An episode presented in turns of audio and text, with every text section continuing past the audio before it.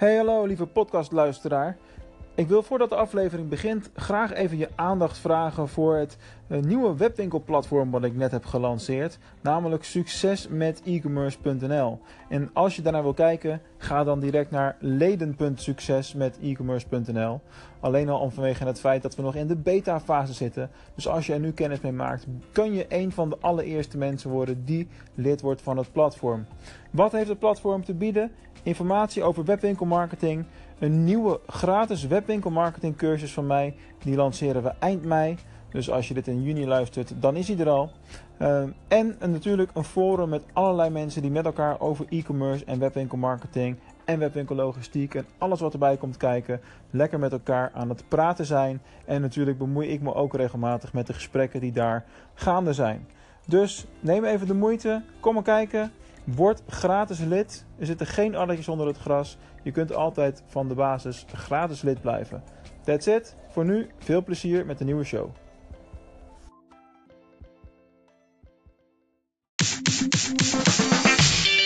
Meer verdienen en minder uitgeven. met online marketing. Dit is de DGOC Online Marketing Podcast. Voice Search komt eraan. Of eigenlijk, Voice Search is er al. We doen met z'n allen steeds meer met voice. Hè, kortom, met onze stem, om het gewoon op zijn Nederlands te zeggen. En dat is maar goed ook als je het mij vraagt.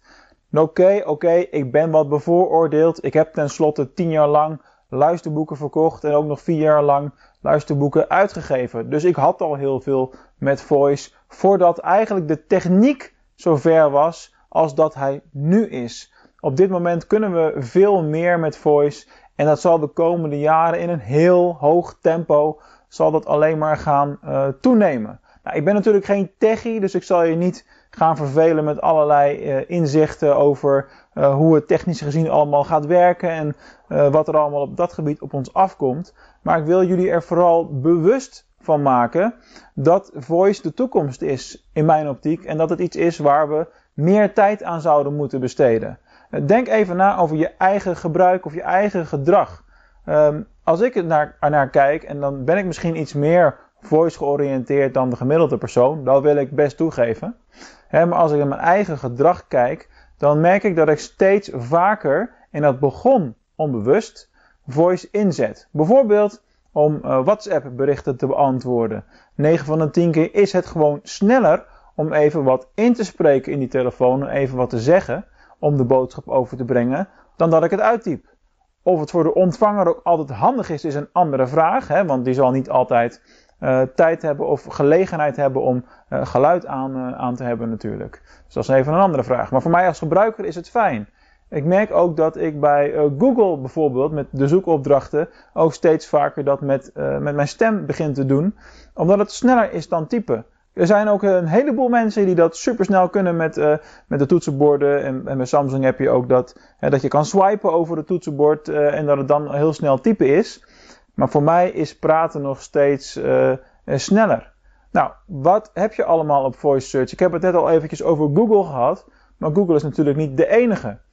Op de iPhone heb je ook natuurlijk Siri. Hè, en Siri kun je ook allerlei vragen stellen. Dan moet je voor de gein maar eens een keer mee gaan, uh, gaan spelen. Stel Siri bijvoorbeeld maar eens de vraag. En hoop ik dat hij niet nu per ongeluk aanschiet, want dat zou ook wel komisch zijn. Maar stel Siri nu maar eens bijvoorbeeld de vraag. Yo, hallo Siri, wat vind jij van, uh, van Google? En dan krijg je best grappige antwoorden als je dat soort vragen gaat stellen. Goed, voice is dus iets wat op dit moment uh, steeds belangrijker wordt. Uh, een van de belangrijkste zakelijke redenen waarom we iets meer met voice moeten gaan, uh, gaan doen, of met voice zouden kunnen gaan doen, is het tijdsbesparende ervan. Het bespaart tijd.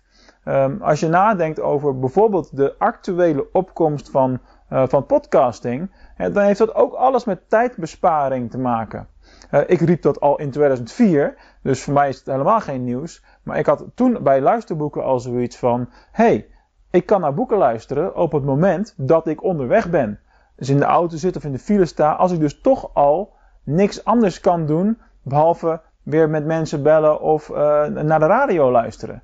Dan zijn die boeken een enorme uitkomst. Nou, dat zijn nu natuurlijk ook uh, podcasts, want je kunt gewoon een simpele podcast-app downloaden. Je abonneren op allerlei ja, leuke thema's waar je interesse in hebt. En die dingen luisteren op het moment dat je toch je handen niet vrij hebt.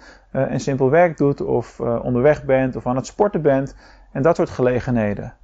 Ook is het zo dat de techniek om al die dingen mee op te nemen, daar hebben we het al eens eerder over gehad, is natuurlijk steeds eenvoudiger en makkelijker geworden en laagdrempeliger. Dus je ziet het laatste half jaar, jaar, zie je ook onwijs veel nieuwe podcasts uh, uh, ontstaan. Uh, iets wat ik alleen maar toejuich, want dan heb ik meer content om uit te kiezen. Dus wat dat betreft, ook daarin zie je dat de rol van, van voice alleen maar groter wordt en blijft toenemen. dus lang verhaal kort. Google Voice heb je, je hebt Apple Siri, je hebt het ook nog Amazon Echo, daar hebben we het nog helemaal niet over gehad. Amazon Echo is in Amerika misschien wel de belangrijkste speler en in Duitsland kom je het ook tegen. Wij waren laatst in Oberhausen in het winkelcentrum en daar had Amazon helemaal een eigen, een, eigen stand en daar waren ze ook Echo aan het, aan het promoten, of in ieder geval de voice gerelateerde producten. Uh, kortom, uh, de techniek gaat onwijs snel, de ontwikkelingen gaan onwijs snel. En vanuit een marketingoogpunt moeten we ons ook afvragen: wat kunnen we met die technieken en kunnen we daar op de een of andere manier mee aanwezig zijn?